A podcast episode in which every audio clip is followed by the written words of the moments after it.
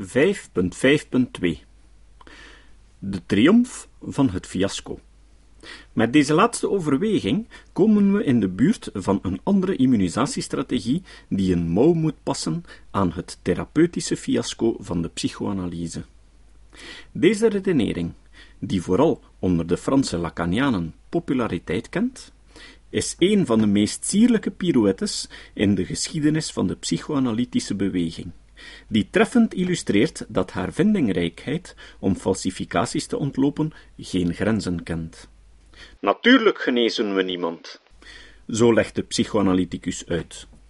Wij zijn tenminste de enigen die ruiterlijk toegeven dat we niemand genezen. We durven de waarheid recht in de ogen te kijken, terwijl de anderen zich therapeutische illusies laten voorspiegelen. De grootsheid van de psychoanalyse ligt in het erkennen van de ongeneeslijkheid van de menselijke conditie.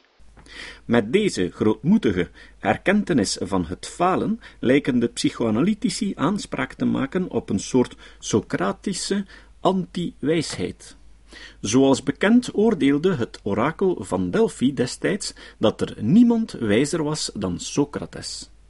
Omdat Socrates verbaasd was over deze uitspraak van het orakel, en omdat hij vermoedde dat er toch beslist grotere wijzen bestonden dan hij, trok hij op onderzoek uit bij de gevestigde wijzen, dichters, ambachtslieden, politici. Naderhand werd duidelijk waarin de betekenis van het orakel schuilde. Socrates was de enige die toegaf niets te weten, terwijl de ander wel meenden wijs te zijn, maar in werkelijkheid evenmin iets wisten als Socrates. De typische Lacaniaanse thema's van het onontkoombare tekort of gemis dat ten grondslag ligt aan het menselijke bestaan, en het daaruit voortvloeiende onmogelijke verlangen dat ons allemaal constitueert, laten toe deze existentiële ongeneeslijkheid te theoretiseren. In de lezersbrieven aan Le Nouvel Observateur over het Livre Noir konden we het volgende lezen. Le mérite de la psychanalyse est bien celui-là, oser dire que du fait du langage et de la parole, l'être humain est confronté au manque, au trou, au vide. Donc, il y a de l'impossible, du ratage dans la psychanalyse. La psychanalyse ne prétend pas guérir.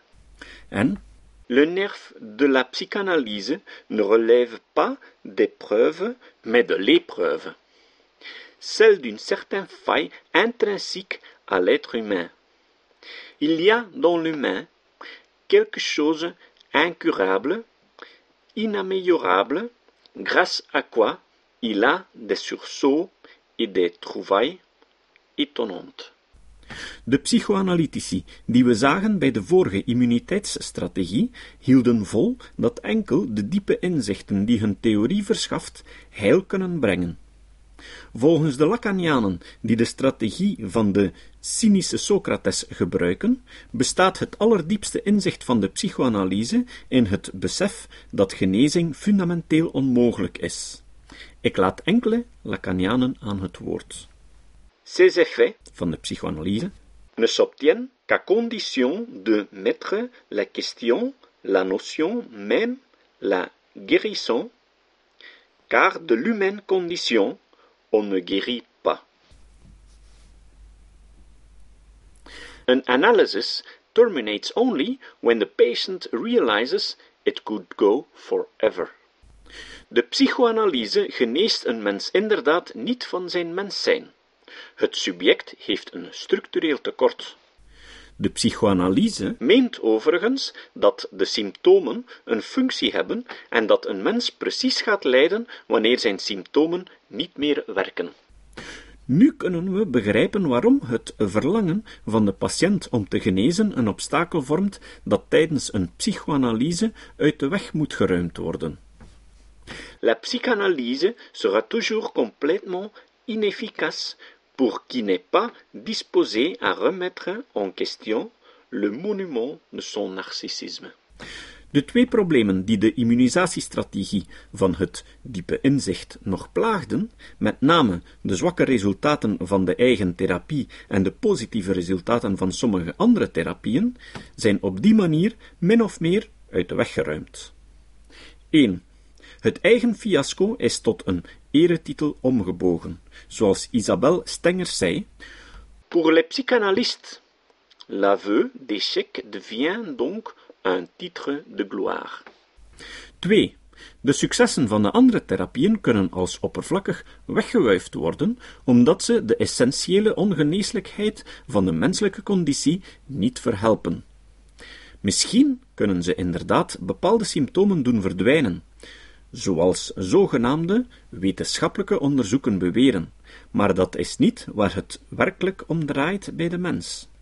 Zoals de psychoanalyticus Jean-Pierre Winter in Psychologie Magazine schreef. En chemin, le patient s'aperçoit souvent que celui qui l'empêche de vivre n'est pas le symptôme pour lequel il était venu consulter. Sommige psychoanalytici zien dan ook hun kansen schoon om de rollen om te draaien. De Gentse Lacaniaan Lieven Jonkheren bijvoorbeeld erkent dat het problematisch is dat de psychoanalyse geen garanties kan bieden op het gebied van therapeutische werkzaamheid.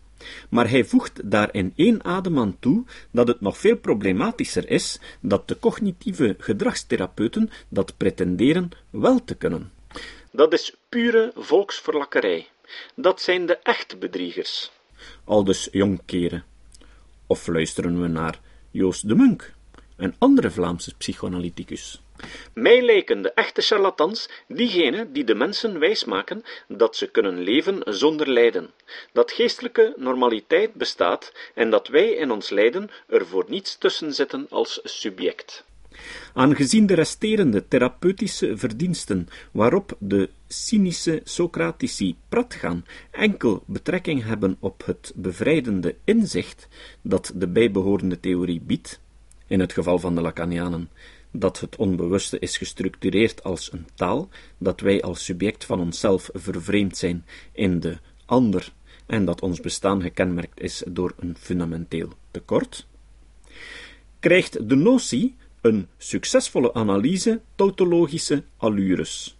De analyse is succesvol wanneer de patiënt de inzichten en de weltanschouwing van de psychoanalyticus aanvaardt. Verder kan er geen sprake zijn van genezing, want een van de inzichten luidt jammer genoeg dat genezing onmogelijk is. Volgens Rudinesco beoogt de psychoanalyse geen genezing, maar een transformation existentielle du sujet. Met andere woorden, het enige wat een succesvolle psychoanalyse bereikt, is dat ze een nieuwe psychoanalyticus voortbrengt. Wie de inzichten niet aanvaardt, wie met andere woorden weerstand biedt, is zelf schuldig aan de mislukkingen van de analyse.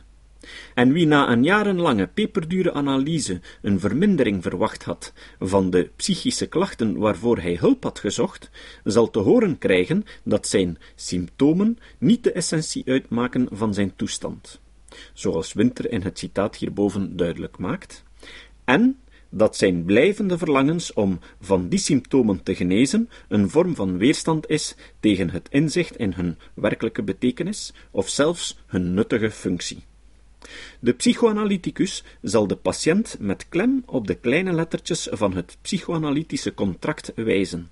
De enige formele behoefte die de psychoanalyse maakt, is dat de patiënt, als hij niet te veel weerstand biedt, inzicht zal krijgen in zijn innerlijke psychische realiteit. Vrij vertaald, er zit voor de patiënt niets anders op dan de exotische speculaties van de analyticus te slikken.